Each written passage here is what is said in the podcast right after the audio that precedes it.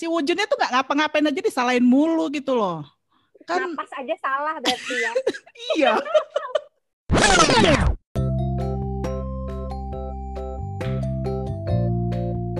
Halo, selamat siang sahabat Drakor Class. Ih, kita berjumpa lagi pastinya dalam podcast Drakor Class. Kali ini temanya apa yang bakal kita bahas ya?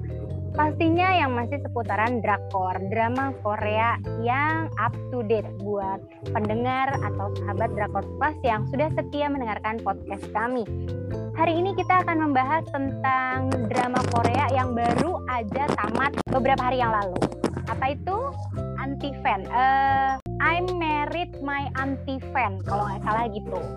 Dan ini drakornya nggak cuma versi drakor yang bakal kita obrolin, kita juga bakal ngobrol uh, berkaitan dengan ada webtoonnya. Karena ini kan diangkatnya juga berdasarkan webtoon dan ada ternyata ada novelnya loh. Nah sekarang aku ngobrolnya nggak sendirian. Aku punya dua sahabat atau classmate drakor kelas yang akan menemaniku ngobrol pada hari ini. Ada siapa aja kita panggil ya? Karisna. Sama. Yeah I'm here. Halo. Sama Mbak Dike. Halo apa kabar? Halo baik kita ada ketambahan satu orang lagi loh. Ih, siapakah dia? Bolehlah panggil oh. sekalian deh, cuy. Oh, iya. Mbak Asri. ada Mbak Asri. Maaf ya datang telat. Ih, nggak apa-apa. Telat-telat langsung nongol itu seru loh.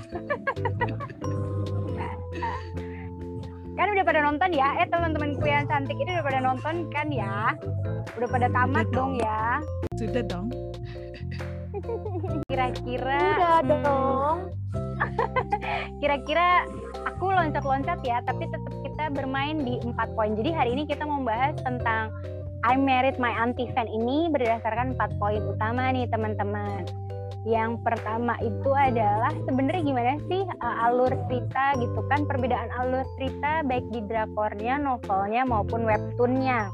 Terus yang kedua, uh, siapa sih karakter yang menurut kita gengges alias ganggu banget atau mungkin ya kadang-kadang ih sebenarnya tuh kalau karakter itu nggak ada nggak guna nggak apa-apa gitu kan. Terus yang ketiga adalah acting yang menurut kita dari karakter-karakter tersebut yang kurang cocok atau ya gengges juga. Yang keempat adalah pendapat masing-masing berkaitan tentang ending yang udah kita tonton alias di drakornya bagaimana. Nah, kira-kira Karisna Uh, udah pernah baca webtoon atau novelnya belum? Belum. Aku cuma nonton drakornya. Tapi aku dapat cerita kalo, banyak sih dari temen-temen yang lain. Uh, pastinya kalau di drakor kelas itu nggak mungkin ada gosip terus nggak nggak kayak nyetrum ya, kayak api itu itu pasti tepat. Kalau kalau Mbak Dike udah pernah ini, udah pernah tengok-tengok si si Sike Sike apa belum? Oh, belum sama sekali, cuma nyimak rumpiannya yang pada udah baca webtoon. Kalau kakak Astri kayaknya udah nih kakak Astri. Kakak Astri Baru nonton. udah baca yang mana? Kalau kakak Astri udah punya yang mana? baru nonton filmnya doang aku juga. Wah seru. Tapi gini karena kita udah dapat bocoran ya dari temen yang nonton adalah salah ada salah eh, ada dari teman-teman yang udah pernah baca juga kita punya bocoran ternyata ada beberapa ending yang berbeda gitu katanya ya. Terus ada beberapa alur cerita juga yang ternyata ada di webtoon ada di novel tapi nggak ada loh di drakornya. Salah satunya kalau nggak salah masalah manajer ganteng yang menemani Wujun ya kan? Selama di cerita nggak nggak kita bisa pungkiri juga kalau itu manajernya ganteng ya kan? Siapakah namanya? Siapakah namanya? Si manajer Jiang. Itu udah ya, dibahas. bener. Waktu kan yang baca novelnya itu Rani Nuna sama hmm. yang baca webtoonnya itu Imesa. Waktu itu aku juga ikutan nge podcastin kan gara-gara mereka tuh aku ikutan nonton drakor ini. Oh. Jadi kalau mau dengerin yang sebelumnya nih silahkan tengok aja di urutan di podcast kita. Ternyata udah ada bahwa si si manajer ganteng ini pernah kita spoiler dikit-dikit di situ gitu. Nah berkaitan sama alur cerita yang di drakor, kira-kira menurut Karisna sendiri hmm, termasuk yang logis apa enggak sih? Logis-logis aja. Maksud aku ya dibandingin sama drakor-drakor zaman now yang terlalu rumit terlalu belok-belok ke sana kemari bahkan yang suka ber- berubah genre gitu ya. Yang ini tuh ya mungkin karena produksi dua tahun lalu kali ya. Itu tuh rasanya masih drakor banget gitu loh formulanya tuh masih pas gitu loh semuanya. Drakor banget. ya hitungannya di, di kan kalau Karisna itu jago jago prediksi ending loh. Sahabat sahabat drakor kelas sih jago jago prediksi ending. Kenapa pasti ada di episode sekian tuh bagian build up untuk ketegangannya paling puncak gitu. Nah, formula yang biasa dibuat Karis tuh biasanya berarti pas ya untuk di drakor My Anti My Mar eh, I Married My Anti Fan So I ini ya. Ya, ya kan. kalau Mbak Dike, kalau untuk alur ceritanya itu pas nggak sih? Menurut aku sih pas-pas aja. Sebenarnya sih ya, kalau kita ngelihat eh, alur eh atau inti ceritanya ya, ini tuh sebenarnya hal yang klasik gitu kan ya. Maksudnya eh, dari benci jadi cinta itu udah sering banget kan dibahas di Hmm. drakor ataupun di film ya atau di sinetron atau di buku atau di mana pun inti ceritanya kan seperti itu ya dari pembenci jadi eh, cinta dan juga aku ngerasa nih ada kemiripan gitu ya dikit dengan drama jadul full house gitu kan ya. Ya meski nggak mirip-mirip banget gitu kan ya. Awalnya kan Hmm. juga ya sama artis gitu kan ya. Terus juga eh, awalnya juga berantem berantem benci benci gitu kan. Tapi lama-lama jadi suka.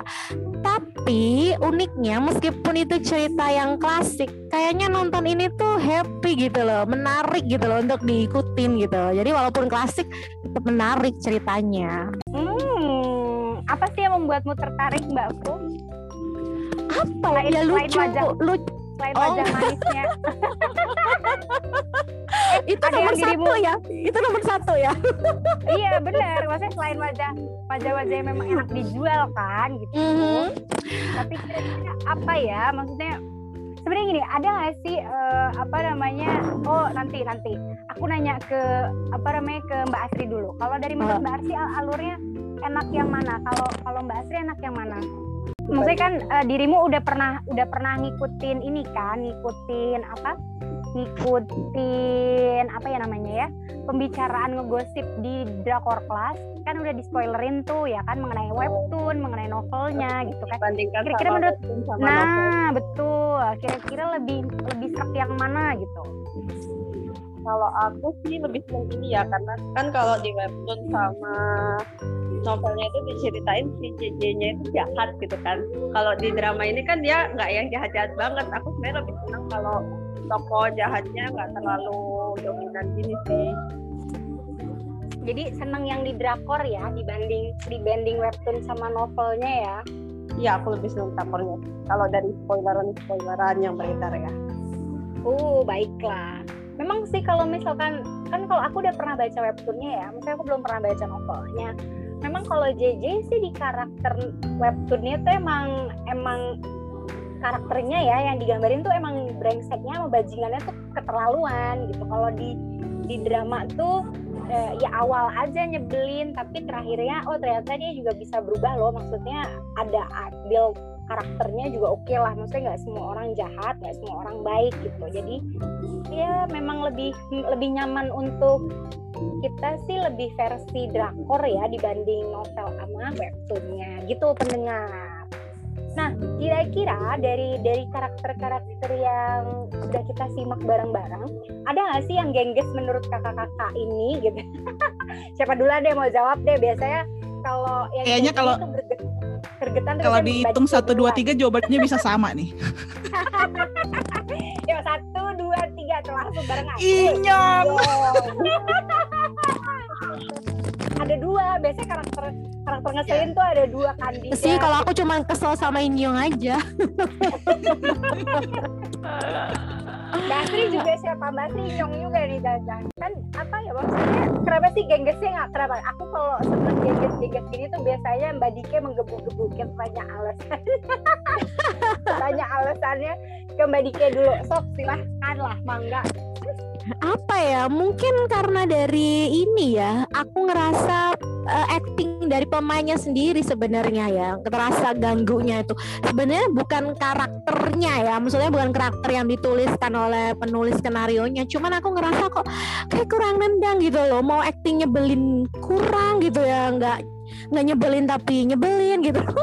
Jadi aku ngeliatnya kayak gitu. Cuman kalau hmm, karakternya kan dikisahkan dia itu kan ini ya apa istilahnya kayak nggak uh, sabar gitu kan ya di awal ya. Nah dia nggak sabar gitu ya suka suka sama Wujun ya hubungan sama Wujun. Tapi ketika Wujunnya sibuk dia tetap butuh orang gitu kan istilahnya buat apa nemenin dia. Saya dia ke JJ gitu kan. Nah terus itu kan ya apa ya gitu banget gitu kan ya maksudnya cuman aku ngerasa itu acting pemainnya tuh kok nggak nggak keluar gitu loh oh. jawaban karakternya si In Hyung ini kan ada di episode ending kalau asal dia bilang bahwa aku tuh hanya orang yang pengen dicintai, dicintai dan sayang nah, bener kan Ya, itu pesan-pesan penting yang harus di highlight ya. Gimana kita Betul. bisa dicintai orang kalau kita belum bisa mencintai orang. Oke. Okay.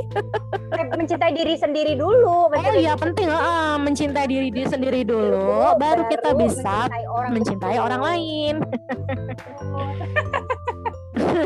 kalau Karis, biasanya setelah menggebu-gebu Mbak Mbak Dika itu Karis.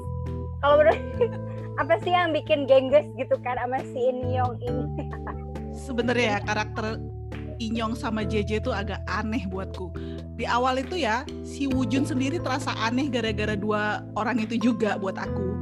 Karena dinamika ya. dinamika hubungan masa lalu mereka itu kayak terasa mungkin kalau di novel atau di webtoonnya lebih jelas ya.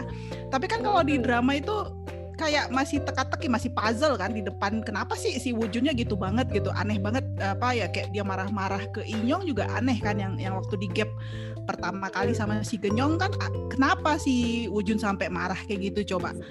Kalau misalnya dia waktu dulu ternyata pernah pacaran bahkan sama Inyong gitu agak aneh hubungannya. Tuh si JJ-nya sendiri juga apa ya uh, aku tuh nggak ngerti gini dia kayaknya cinta sama Inyong. Tapi kok si Inyong nggak dibantuin sih buat debut gitu loh buat buat jadi terkenal juga gitu. Terus ketika mereka nggak berhasil dia nyalahin Wujun. Lah Wujun salahnya apa gitu loh? Dia bilang dia merasa si Wujun ninggalin mereka gitu.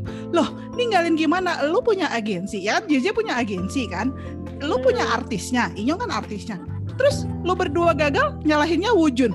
Lah gimana sih? Gitu. Maksudnya kayak aku tuh garuk-garuk kepala sendiri nontonnya. Kayak ini orang berdua dihapus dari cerita kayaknya nggak ngap nggak nggak pengaruh deh. Kelangsungan ceritanya. Ngeselin banget gitu. Ya aku paham oh, sih maksudku bener kan? Aku bilang apa setelah yang menggebuk-gebuk pasti Mbak Dike Karisna Enggak, masalahnya aku paham. Dua orang itu dibikin buat untuk bikin konfliknya kan, bikin supaya nantinya si wujudnya itu kayak dibongkar lah masa lalunya dan sebagainya gitu. Cuman penokohannya tuh kayak nggak ngerti tuh loh. Si si JJ tuh udah dapetin Inyong, terus tapi cemburu melulu, terus kayak mau dapetin Genyong juga apa sih maunya? Gitu. Aku tuh yang aduh ini berdua dihapus aja deh. Gengges ya. Gengges iya. pakai bikin sakit gigi ya kan? Nah, ya kayaknya kalau nonton di skip juga nggak masalah itu loh. Kasri jawaban Karisma masalah. Sebenarnya kenapa sih gitu kan? Perasaan apa si JJ ini ngeselin gitu gengges. Terus si Inyongnya juga gengges. Nah kalau Kak Asri sendiri gimana pendapatnya mengenai karakter gengges. Ini loh karakter gengges. Aku pemikirannya sih mirip sih sama Kak Risna sama Mbak Jeka ya. Kayak gitulah jadi mereka yang pertama aktingnya si Injong itu nggak bagus. Terus mungkin juga dari cara penceritaannya mungkin ya jadi konflik di antara mereka itu kayak yang ngegantung gitu loh kayak ini harusnya benci benci banget tapi diceritainnya kayak setengah-setengah jadi nggak nggak nyampe ke kita kenapa dia marah kenapa dia benci hmm. kenapa hubungan mereka jadi buruk. Itu kayak masa sih cuma karena gitu doang? Terus mereka hubungannya jadi kayak gini gitu kayak konfliknya kurang dalam. Jadi ceritanya tuh kurang kurang dalam. Jadi ya kayak yang Karisa bilang tadi kenapa sih dia jadi suka marah-marah kan kita ngeliatnya cuma gara-gara gitu doang gara-gara sih kayak kelihatannya masih suka sama Wujun tapi padahal mereka kan ya jalan bareng enggak cuma gara-gara nyimpen nomor handphonenya masih disimpan gitu doang udah marah-marah nggak tahu sih. Akhirnya jadi kayak konfliknya itu lah kurang kalau kataku Hmm, nah kalau misalkan Kalau- apa kalau kalau ini kalau apa kalau di memang sih di awal kan nggak ini apakah tapi pas perjalanannya waktu maksudnya berjalannya alur apakah kegenggesan Karisna sama Mbak Asri sudah udah terjawab belum? Maksudnya apa sih akhirnya dasar tetap belum terjawabkah atau nanggung? Atau gimana? Ada yang terjawab nggak? Kira-kira Karisna udah terjawab belum? Dari pertanyaanmu awal kan berjalan nih sampai episode akhir gitu kan. Itu udah terjawab apa belum? Apa masih ah kayaknya nggak pantas juga sih si JJ kesel-kesel gini gitu? Maksudnya kan karena kamu menyalahkan ngapain nyalain JJ berarti eh kalau nyalain JJ, nyalain Wujun lu aja yang nggak mampu gitu kan buat jadi orang sukses gitu. Misalkan kayak gitu atau gimana? Tetap nanggung setelah sih berjalannya sebenarnya. waktu ya tetap nanggung. Mm, karena gini loh maksud aku itu ceritanya eh, berapa tahun ya? Tiga tahun? Tiga tiga tahun kan ya sejak si Wujun terkenal? Apa berapa tahun sih? Dua tahun lima tiga tahun. ya. Dua tahun tiga tahun Lupa. kayaknya. ya tapi maksud aku hitungannya udah tahun ya. Dan Mm-mm. eh, apa namanya dan kayaknya kan si Inyong dan JJ sendiri udah in relationship kan gitu. Terus ada penggambaran tuh yang kadang si Inyongnya yang bilang kita baikan lagi yuk gitu. Si JJ-nya nggak mau. Terus pas giliran si JJ-nya ngejar Inyongnya nggak mau. Ini orang berdua maunya apa sih? gitu loh. Kesel kayaknya itu kan ya. Lu udah gue baikin gak mau. Sekarang lu kejar-kejar gue gue juga jual mahal gitu kan. Tapi gue maunya nempel sama yang terkenal gitu kan yang dijedotin ya, ya Bo. terus nyalahin Wujun mulu gitu loh. Ah, kan ah, aduh pokoknya nanggung lah nanggung. Secara apa ya si Wujunnya tuh nggak ngapa-ngapain aja disalahin mulu gitu loh. Kan napas aja salah berarti ya. Iya. Kasihan aja Wujunnya dia jadi hidup dia hidup aja salah. Padahal sih kalau gini kalau misalkan di poin-poin yang misalkan ku dapat gitu kan awalnya sebenarnya kalau di cerita drakornya ya kita nggak ngomongin novel sama webtoon ya. Di cerita drakornya kan alasan si Wujun nggak mau pindah adalah pertama gara-gara semua identitas si Wujun itu kan dibuat sama si manajer yang menyebal eh sorry CEO yang menyebalkan itu kan yang Ah, yang ngeselin itu. gitu. itu juga gengges sebenarnya kan iya terus udah gitu nah terus yang kedua eh, karena waktu pas dia mau bilang oke deh aku mau ikutan pindah tapi ternyata dia ngeliat siapa ya pokoknya hitungannya tiap si CEO itu susah sama keluarganya entah kenapa selalu Wujun yang lihat gitu sementara Iya. JJ nggak tahu apa-apa gitu kan nah kan Iya. waktu waktu pas waktu pas itu akhirnya kan si Genyong bilang ke Wujun bahwa kenapa lu nggak ngomong aja sih alasannya kenapa nggak mau pindah gitu. Itu yang pertama membuat keruh suasana kayak, jadi merasa gini karena udah kan awalnya juga ada masalah rebutan lagu juga kan sama si JJ awalnya JJ nyanyiin eh ternyata si CEO nya ngasih lagunya yang untuk eh, rekaman sama eh, ke Wujun kan. Terus nah semenjak itu kan akhirnya dia ngediri udah deh gue jadi agensi sendiri kamu ikut sama aku ya pas udah oke oke nah dari situ awalnya ini terus kenapa sih? Misalkan si Inyong nggak diterbit eh nggak diorbitin gitu kan?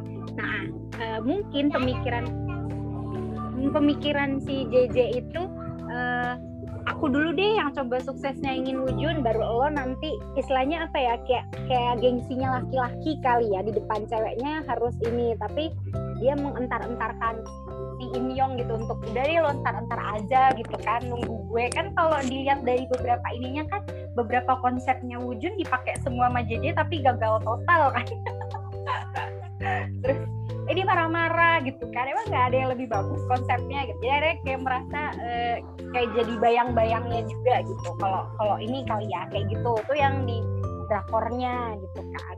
Nah kalau Mbak Dike sendiri dari perjalanannya waktu gitu kan kegenggesan.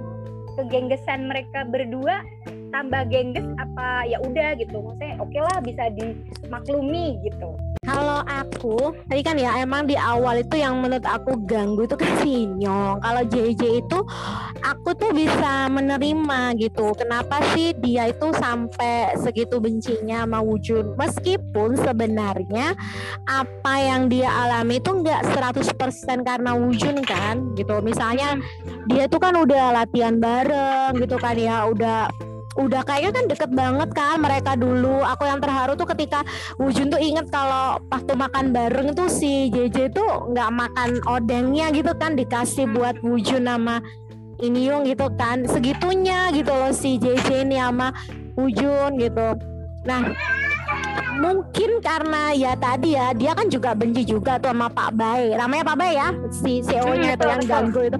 Dia juga benci sama Pak Bay dia juga benci sama Wujun gitu loh. Jadi ya namanya orang benci ya pasti kan melakukan segala cara ya untuk menghancurkan orang yang dibenci. Itu kan rumusnya udah kayak gitu gitu ya. Nah sedangkan mungkin kenapa kok si JJ-nya ini nggak nggak kelihatan jahat banget? Ya karena mungkin wujudnya ini tuh selalu apa ya selalu selalu baik gitu loh sama JJ Wujun tuh selalu memaklumi oh JJ tuh kayak gini tuh ya karena karena ini karena ini karena ini ya. Mungkin JJ nya sendiri juga ngerasa meskipun dia tuh jahat gitu ya uh, si Wujun tuh tetap nganggap dia tuh sahabat baiknya gitu. Itu sih kalau itu masih bisa masuk akal. Nah cuman yang emang jadi pertanyaan tadi tuh sama kayak Karisna. Lah kenapa sih ini yang itu nggak diorbitin gitu loh? Kan lu udah punya agensi sendiri gitu. Apa sih masalahnya? Kenapa ini yang tuh nggak diorbitin? Apa masalahnya? Apa karena JJ sendiri mungkin akan akhirnya nggak berhasil jadi talent ya nggak berhasil jadi artis kan di awal dia jadi CEO kan. Apa karena dia itu nggak berhasil jadi artis dia juga nggak mau si In Young ini jadi artis terkenal. Takutnya ntar juga ninggalin dia kayak uh, Wujun yang ninggalin dia. Mungkin seperti itu gitu loh mungkin ya. Jadi jadi ya tadi karena aku nggak menganggap ya. oh, oh nggak menganggap karakter ini terlalu mengganggu sih karena ada reason kenapa dia itu uh, seperti itu. Nah, cuman yang memang masih menjadi pertanyaan dan kayaknya nggak dijawab di dramanya, kenapa si In Young ini nggak diorbitin? Nah, ketika si In Young ini uh, mulai terkenal dengan caranya sendiri, kenapa dia makin kesel gitu loh? Kenapa kan harusnya kalau sebagai CEO kan nggak boleh ada perasaan pribadi ya kalau emang itu sebuah bernilai bisnis ya harusnya dia kembangin kan. Kayak yang kemarin si ini yang ikut apa audisi pemula audisi. kan sama sutradaranya kan dibilang udah deh yuk kita orbitin ini bakal nguntungin perusahaanmu kok. Nah JJ-nya kenapa nggak mau gitu loh. Soalnya mungkin bisa jadi kalau kalau pas laku bagus nah pas dia jatuh mungkin JJ-nya juga nggak pengen lihat si Inyong mungkin ya mungkin. Kan kita tidak tahu karena tidak terjawab juga di drama gitu kan. Soalnya memang Inyong ini juga apa ya hitungannya? Hmm, kayak waktu pas sama JJ kan kayak habis manis sepah di bukan habis manis sepah enggak sih maksudnya si si Wujun juga nggak pernah ngebuang Inyong kan? Memang nggak pernah nggak pernah membuang tapi Inyong yang uh, memang karena butuh kasih sayang dan pengen dicintai itu ha ya kan? Itu ya udah deh mumpung mumpung apa mumpung ada yang perhatian sama gue gue sama sama dia aja gitu. Tapi yang bikin sebelnya adalah waktu pas dia sebelum nabrakin diri itu loh bete banget gak sih omongannya? Gara-gara kamu masuk ke hidup gue gitu kan gue berantakan. Eh hello gitu kan. Yang lu yang nolak sama nerima nah. Eh, setuju kan ya? Eh setuju gak sih? Eh, gak sih? setuju lah. Ya setuju lah kan yang lo, ya, lo yang ini uh, kan yang lo no, yang mau nolak terserah lu kenapa lu yang nyalain kan makanya makanya semenjak itu kan kayak si cewek JJ shock gitu kan. Ah gue yang masuk ke dalam hidupnya dia terus hidupnya rusak sama gue gitu kan. Kan dia kayak shock gitu gitu. Maksudnya bukan ini ya eh sorry uh, disclaimer sebentar ya pemirsa apa penonton pemirsa podcast. Uh, biasanya di drakor kelas itu lebih belain opa daripada uni gitu kan jadi mohon maaf kalau di siaran podcast kami biasanya akan lebih membela para opa dibandingkan para perempuan-perempuan di luar. Jadi mohon maaf ya untuk yang uh, merasa penggemarnya uh, oh, karakter ini yang mohon maaf bukan karena kami sebel banget sama dia enggak, cuma biasanya memang kami itu lebih penggemar ke para opa-opa ya memang ya itulah gitu hasratnya ibu-ibu kami eh, ibu-ibu wanita-wanita di drakor kelas itu begitu Gak, gitu ya jadi sebenarnya ya. sebenarnya ya. bukan salah pemainnya ya pemainnya salah juga kurang bagus mainnya tapi karakternya memang ya apa sih nggak tahu ya apakah memang itu yang diharapkan dari uh, ceritanya ya buat penonton. F kan kadang-kadang gini keberhasilan seorang aktor dan aktris itu kan dari cara mereka membuat penonton ikut merasakan emosi kan gitu kan? Jadi aku nggak tahu apakah memang plot ceritanya itu dibikin si Inyong itu orang yang ngeselin ya ngeselin dalam arti ya dia tuh udah aji mumpung kan jadi karena nggak ada Wujun Jejun pun jadi. Tapi dia kayak masih ngejar-ngejar Wujun kan dari uh, drakornya ya setidaknya yang digambarkan dia kayak masih ngejar-ngejar kan. Termasuk yang apa iya iya dia kasihan nggak diorbitin. Termasuk kayak dia berusaha biar di Jepang itu dia dapat uh, apa jadi jadi Iklan, ngisi iklan. iklan bareng sama Wujun. Dia dia berusaha memanfaatkan Wujun karena Wujun terkenal gitu. Itu sebenarnya masih wajar banget sih. Maksud aku ya mungkin namanya entertainer kan ya bersaing kan. Kalau kebetulan ada apa yang lain yang lebih terkenal siapa tahu gua kebagian keterkenalannya kan kayak gitu kan. Tapi memang anehnya yang terakhir dia sampai berusaha rekaman biar dia kayak duet bareng Wujun itu itu tuh agak aneh di JJ-nya gitu loh karena kan orang-orang responnya positif kan terhadap lagu itu gitu. Tapi mereka kayak berusaha menutupi fakta bahwa misalnya si Wujun sama si Inyong itu punya masa lalu pernah ya let's say mereka sahabat kan gak harus diklaim sebagai cinta pertama atau gimana kan? Tapi kayak langsung eh, ditutup-tutupi terus pas ketahuan jadi kayak blow up gimana banget gitu. Agak aneh di bagian yang itu kalau memang rencananya ngorbitin si Inyong gitu loh. Jadi karakternya sih yang ganggu ya. Penokohannya gitu. Maksud aku asli aku bukan bilang si artisnya ya aku bahkan lupa nama pemerannya siapa gitu ya. Nah, bener kan, bener kan? Eh, tapi karakternya itu Ya, ngeselin gitu loh dengar podcast tolong ya tuh mohon maaf ya kan kami aja lupa loh sampean nama. jadi mohon maaf. Jadi bukannya kami pembela opa tapi memang benar kami pembela opa jadi pasti jadi yang terlihat lebih opa manis ya betul ya kan. Hmm. Tapi gini eh, berkaitan juga dengan karakter ada nggak sih eh, selain pemeran utama pastinya yang eh, menurut Mbak Asri ada yang berkesan nggak? Maksudnya kayak misalkan tadi oh ada manajer ganteng Gihyang misalkan gitu. Atau siapa yang menurut Mbak Asri yang ih imut ya ternyata walaupun dia munculnya satu dua kali di film in, eh, di drakor ini ada nggak? Mbak Asri. Utama berarti kan ya. bukan bukan tokoh bukan bukan tokoh utama ya. Kalau Iya, bukan tokoh pendukung aja. Kalau aku sih suka itu pacarnya temennya Genyong yang mau jadi pengacara itu ya. oh ya Itu siapa sih sempat kabur. pemerannya? Itu sem- nah itu dia. Tapi ini ya yang sempat kabur apa gara-gara gue mau jadi artis eh tapi Ya dia pengen jadi ya. artis. tapi didukung terus habis itu dia ngambek gitu loh. yang itu. ya iya yang itu Juga lucu ya. Itu lucu ya. Hmm. nah kalau Karis Karis siapa Karis? Ya itu sama orang yang apa? Namanya Baik Seng Hon, Baik Seng oh Hon. lah sambil buka contekan ini. kalau Kak- kalau kalau kalau Mbak Dike siapa Mbak Dike? Aku suka sahabatnya Gonyong yang cowok, yang fotografernya. Lucu. Minky Minky ya. Baiklah tadinya Aku tadinya aku pikir si sahabatnya itu bakal jadi kayak another Cinta segitiga ya. Soalnya di ternyata murni sahabat ya kan kayak gitu ya. Ada abis abis Wujun, Gonyong, terus si ini kan Kim Sowan Heeh, ini di kan. posternya kan dia cukup dapat porsi besar Heeh, heeh. kalau aku ini loh aku kakaknya JJ loh menarik loh buat aku ih jantan banget itu mah Eh, bener-bener bener loh. cameo itu eh, aku menunggu eh enggak enggak bener bener aku tuh ngerasa gini loh begitu dia muncul eh gila kenapa dia yang muncul Bo gitu kan Eh. sementara kan Balita kalau mau nonton dia dalam porsi banyak tuh nonton drama Makjang itu.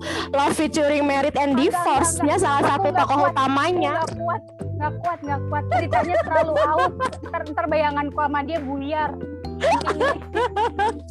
Justru justru tampak lebih muda dia di situ. Ganteng.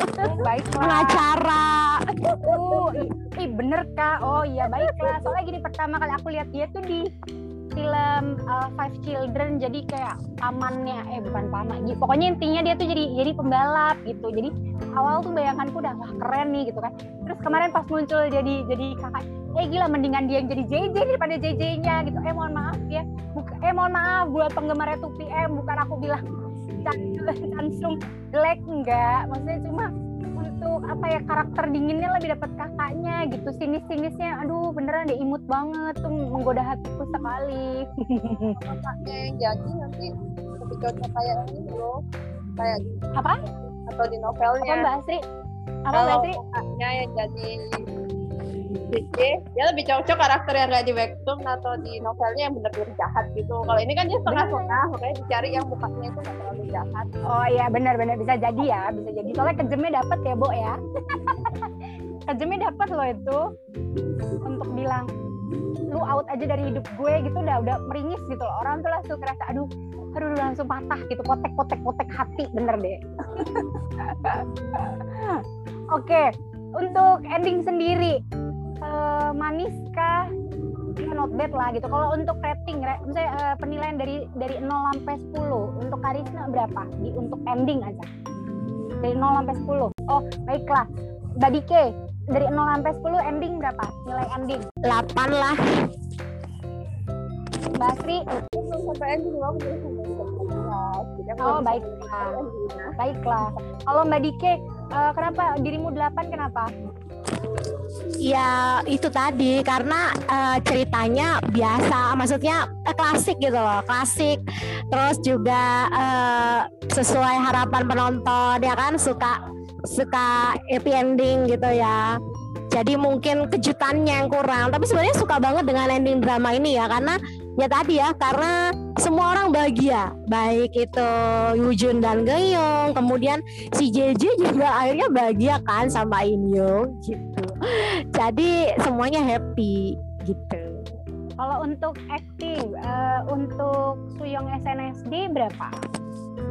Untuk Hmm, ini sih kece kece sih menurut aku hampir sempurna ya. Boleh lah kasih 10 gitu. Aku suka gitu gimana pengembangan apa karakternya dia yang meledak-ledak gitu kan ya. Terus jadi tersipu-sipu ketika eh, lagi awal-awal pacaran. Terus sedih gimana dia sedih harus dengan semua konsekuensinya dari penggemarnya Wujun. Atau ketika dia harus sabar nungguin Wujun. Kayaknya bagus sih perkembangan eh, karakter apa emosinya loh emosi yang di harus dia keluarkan kan macam-macam kan nggak cuma sekedar benci jadi cinta gitu kan nggak tapi kan dia harus gim- wah terus juga dia juga ini kan biasanya kan kalau tokoh lead female tuh kan ketika tahu ada second female kayak In Young akhirnya rese gitu kan dia bisa melawan gitu kan istilahnya. Ah, dia ngelawan gitu nggak cuman sekedar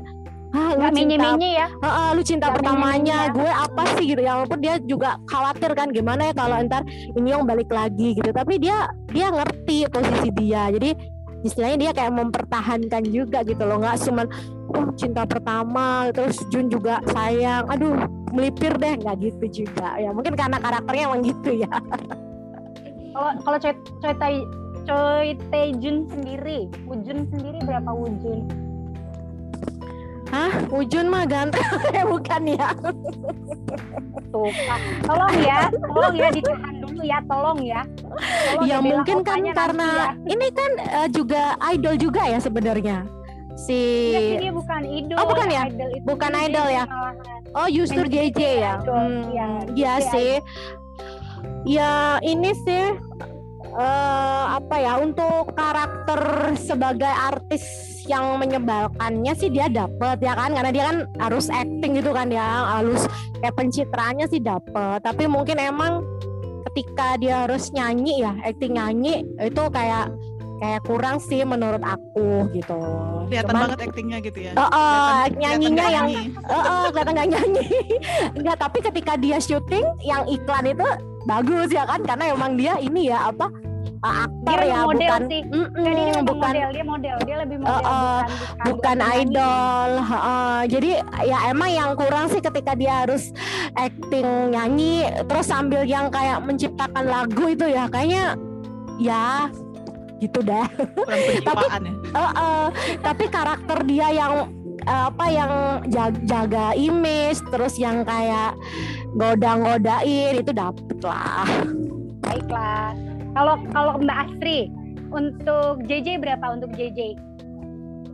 Jadi aku kasih nilai 7 lah. eh tapi kalau sebenarnya bagus tuh si JJ oke deh aku naikin jadi tujuh setengah Oh, tujuh setengah baiklah. Tetap ya setengah aku Dikit-dikit pikir delapan loh naiknya. Naiknya dikit amat. Tapi emang dari drama-drama lain yang dia mainin itu ada sesuatu actingnya dia dia agak mengganggu aku. Aku juga nggak tahu siapa. Tapi Wajahnya itu loh, ngeselin. itu masih agak mengganggu gitu. Jadi tapi sebenarnya bagus juga. Cuman ada itu dia aku nggak tahu apa yang mengganggu gitu. Dari act- actingnya dia kalau lagi marah. Terutama kalau lagi acting marah. Kalau lagi acting seneng sih bagus-bagus aja. Cuman kalau lagi marah itu ada sesuatu yang kurang gitu Kelihatan acting. ya. eh, by the way, Mbak Asri kamu tahu tahu si JJ ini idol kan, 2PM kan? tahu tahu tahu aku dia idol Eh, kan 2PM semuanya hampir rata-rata main drakor semua kan, maksudnya main drama semua kan. Nah, kalau di antara itu dirimu paling suka aktingnya siapa dari 2PM? Taekyon lah jelas dia paling Oh, baiklah. Baiklah. Masih masih ini ya, masih masih apa masih di Taekyon ya? Iya. Sebenarnya aku lebih aku aku kalau nggak Taekyon tuh ini siapa aduh aku lupa. Yang main itu loh. Salah kalau di 2PM dia tuh termasuk eh, vokalit juga. Aduh aku lupa nama aslinya siapa. Itu juga bagus loh. Yang main drama tapi bukan Chansong memang. Apa itu loh? yang main alah yang main film bareng aku lupa. Nanti kalau ini nanti kalau kita ngobrol lagi insya Allah aku inget kalau Karis untuk acting sendiri di pemeran sama habis itu ending nilainya berapa? All. Itu waktu episode jangan kayak pertama. Kak Asri ya per tujuh Nggak, setengah waktu ngepodcastin episode pertama ya, aku tuh ngerasa ada yang salah dengan semua pemerannya gitu. Karena eh, semua pemerannya itu kayaknya baru sekali aku tonton. Sebenarnya nggak nggak baru pertama kali juga sih kalau diingat-ingat ternyata yang Choi Tae-jun itu aku udah pernah nonton waktu eh, dia main sama si Ji Chang-wook. Tapi aku lupa. Partner. Eh, eh, Suspicious partner ya? partner. Nah kalau yang Soyung, aku Soyung atau Soyong nge- nyebutnya itu Oh, aku kan Soyong. nggak nonton Run On ya, jadi aku nggak tahu, aku nggak tahu dia sama sekali Hmm. gitu. Kalau yang si JJ, setelah diingat-ingat kayaknya dia main yang di apa sih yang drama anak kos-kosan gitu, bisa kita uh, main nggak sih? Yellow My Twenties. Kalau nggak salah judulnya. soalnya JJ tuh jarang jarang dapat aku baru pertama kali misalnya gini, aku nggak tahu ya sejarahnya JJ JJ tuh selalu dapat peran-peran kecil. Dia tuh eh, baru dapat yang agak memang porsi besar di sini sih kalau misalkan diriku ya. Jadi aku Di nggak beda Kim ya dia main. Eh, eh, jadi dia dapetnya peran-peran kecil tuh loh misalnya kayak kayak si Ji Hyang gitu lah awalnya tuh JJ gitu doang gitu jadi bukan Iya. kayak tipikal temen-temennya 2PM yang lain kalau 2PM yang lain kan dia rata-rata udah dapat porsi besar semua untuk JJ memang baru awal sih baru ini gitu. Dia Nah terus satu kalau agak- lagi, aku kan nggak tahu 2PM. ya itu jadinya Maksudnya aku kan Iya, nggak tahu dunia sih- idol banget aku- kecuali yang kalian sebut-sebut. kalau kalau aku bilang kenapa sih jadi nanggung maksudnya jadi nanggung eh, apa ya penokohannya di drakor ini tuh karena memang eh, mereka tuh bawa idol kan. Suyong juga idol kan dia dari Girls' Generation. Jadi kalau image-nya berubah gitu tuh kayak takut di apa ini ya. Jadi kan tahu sendiri kan netizen Korea sana agak serem dengan permasalahan nah, kayak gitulah Mereka Jadi jaga image JJ. idolnya sendiri ya. Nah itu dia. Jadi memang kalau untuk si JJ ini kan karakter di novel maupun ini kan memang jahatnya keterlaluan. Sementara untuk di sini kan ya sejahat-jahatnya dia harus tetap baik gitu. Soalnya eh, Jahat-jahatnya tetap apa, baik. Iya bener-bener sejahat-jahatnya kan harus tetap baik kan kayak kayak ujung-ujungnya ngasih nih lo bapak lo gitu kan sebenarnya kan ya kalau udah mau jahat Mm-mm. ya gak usah nanggung gitu kan ya walaupun ntar mau baik tuh urusan nanti gitu tapi hitungannya tuh dibuatnya tuh ya harus tetap idol tuh baik loh gitu. Jadi aku ngerasa nonton ini awal tuh sebenarnya kayak ngerasa aduh nostalgia balik ke gen generation dulu gitu. Wah lihat oh ada ada ini. Nah pas waktu omongan si siapa? Si eh, Suyong sama JJ waktu pas Genyong sama JJ gitu kan. Aku tuh kayak ngerasa omongan alah temen gue lama lama nggak ketemu ya gitu. Jadi aku ngerasa ya Allah. Jadi tuh iya bener ada ada rasa kayak gitu gitu. Jadi chemistry-nya aku malah cocokan lihat Genyong sama JJ dibandingkan kadang-kadang si Wujun sama Genyong sendiri gitu. Kalau untuk romantisnya aku ngerasa soalnya nanggung gitu. Apa ya?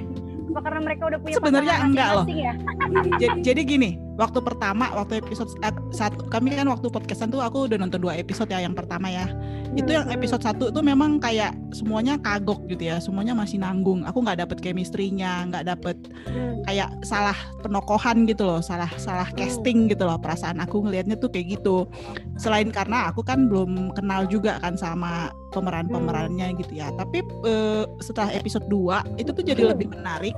Terus chemistry-nya juga baru mulai terasa gitu. Dan eh, apa sampai ke akhir itu kerasa banget bagus menurut aku ceritanya juga apa ya aku kan tipikal penonton happy ending is a must gitu ya jadi Oh, Oke, aku ngerasa. Not. ini tuh salah satu contoh drama yang bagus banget buatku karena apa? Selain selain menghibur ringan semuanya itu menurutku selesai sih. Semua dikasih happy ending. Ini pokoknya spoiler abis ya. Semua dikasih happy ending.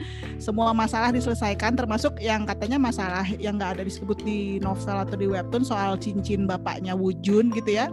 Eh webtoon diceritain kok, diceritain sih. Cuma oh ya di novel berarti yang nggak ada sama sekali ya Hmm, kata, novel nggak ada sama Heeh, pokoknya semua itu no loose ends gitu loh. Semuanya tuh diselesaikan gitu loh. Dan chemistry-nya juga mulai terasa sejak mereka mulai unyu-unyu, sejak mulai kelihatan ada rasa-rasa gitu walaupun kadang-kadang agak terlalu kebanyakan apa sih namanya? kerasa webtoon banget sih ya kelakuannya pada gitu. Eh, aku sih suka sih dengan apa aktingnya Ujun, aktingnya yang paling Hmm. bagus emang aktingnya si Genyong sih menurut aku karena dia sangat ekspresif gitu mulai dari kata Mbak Deka tadi, mulai dari sedih, terus juga yang apa eh, semua deh perasaan eh, ada wanita lain juga tapi dia kayak kayak nggak ada nggak ada bagian cemburu cemburu buta gitu tuh nggak ada gitu loh. Itu tuh klise yang paling ma- malesin gitu loh di drama gitu loh. Bahkan Eh, yang waktu Oh, si itu mungkin pengalaman dia karena pacaran juga sama yang aslinya delapan apa lima Nah, tahun delapan tahun kan Jadi kayaknya sih ya jadi "Ah, lebih udahlah." jadi udah berpengalaman gue ya. gak usah cemburu banget hmm, gitu kan. Lo jodoh gue Ya. oke enggak ya udah gitu ya nothing Ya, tulus Ja- jadi dia apa ya menurutku sih ya walaupun aku nggak mau ngasih 10 ya nggak ada lah yang aku kasih 10 dari semuanya gitu ya. Aku kasih rata-rata 9 lah. Maksudku bahkan JJ dan ya Inyong sih tetap tetap 7 lah ya. Kalau JJ aku kasih 8 eh, karena menurut aku tokoh dia yang dituntut sama sutradara itu kayaknya memang tokoh yang ngeselin gitu loh. Dan dia berhasil menggambarkan orang yang ngeselin gitu. Tapi bener loh aku tuh setuju uh, In Young itu sebenarnya yang bikin nggak pas adalah mimik mukanya saat berakting entah kenapa Ya. sedih aku nggak dapet gitu kan seneng juga nanggung Iya. gitu kan Jadi Nah, memang selain karakternya rasa- kayak gitu, Nah, pemainnya juga nggak untuk pas gitu. karakternya memang uh, karakternya sih oke dia memang ngeselin cuma untuk pas dia mainin lo kalau mau ganggu jadi cewek cewek centil ya centil sekalian dong Betul. totalitas gitu Si kan JJ masih Tapi- lebih pas gitu loh ngeselinnya. nah masih si JJ masih pas. ngeselin Makanya ya benar kalau buat JJ aku kasih untuk- 8, si Ujun sama Genyong aku kasih 9. buat Inyong 7 aja ya. ya ampun Mbak Nyong, tolong ya next drama akan kita tonton. Mudah-mudahan kau akan meningkat ya. Eh, bukan berarti kamu salah, butuh banyak belajar dan pengalaman ya kan. Seribu jam, seribu jam itu pasti akan berlaku kok. Tenang aja. Ya. Oke, itu ya pendengar sekilas tentang pembicaraan kita tentang I Married My Auntie Fan gitu. Eh, jadi tonton aja, ceritanya ringan banget, klasik banget enak aja gitu ya. Maksudnya ringan nggak perlu berat. Kalau butuh tontonan yang berat-berat dengerin juga podcast yang lain di sini ada. Silakan aja ada mouse gitu kan. Dengerin aja. Terus ada Floor of Evil juga ada. Pokoknya dengerin aja itu podcast yang termasuk drama berat-berat. Terus mau podcast yang hitungannya spoiler ending banyak banget. Jadi dengerin aja. Jadi di sini juga ada banyak-banyak eh, podcast yang seru-seru dari kami Classmate Drakor. Jadi jangan bosan buat dengerin podcast. Dan kalau misalkan nggak senang dengerin podcast, boleh juga berkunjung loh ke website kami. Kami juga ada website di ada tulisannya. Jadi habis podcast pasti ada tulisannya. Jadi cek aja di www.drakorclass.com. Silahkan cek di situ semuanya. Oke. Sampai jumpa, ketemu lagi di podcast berikutnya. Terima kasih. Yuk, silakan disapa kakak-kakak. Terima kasih. Kami. Terima kasih. Terima kasih.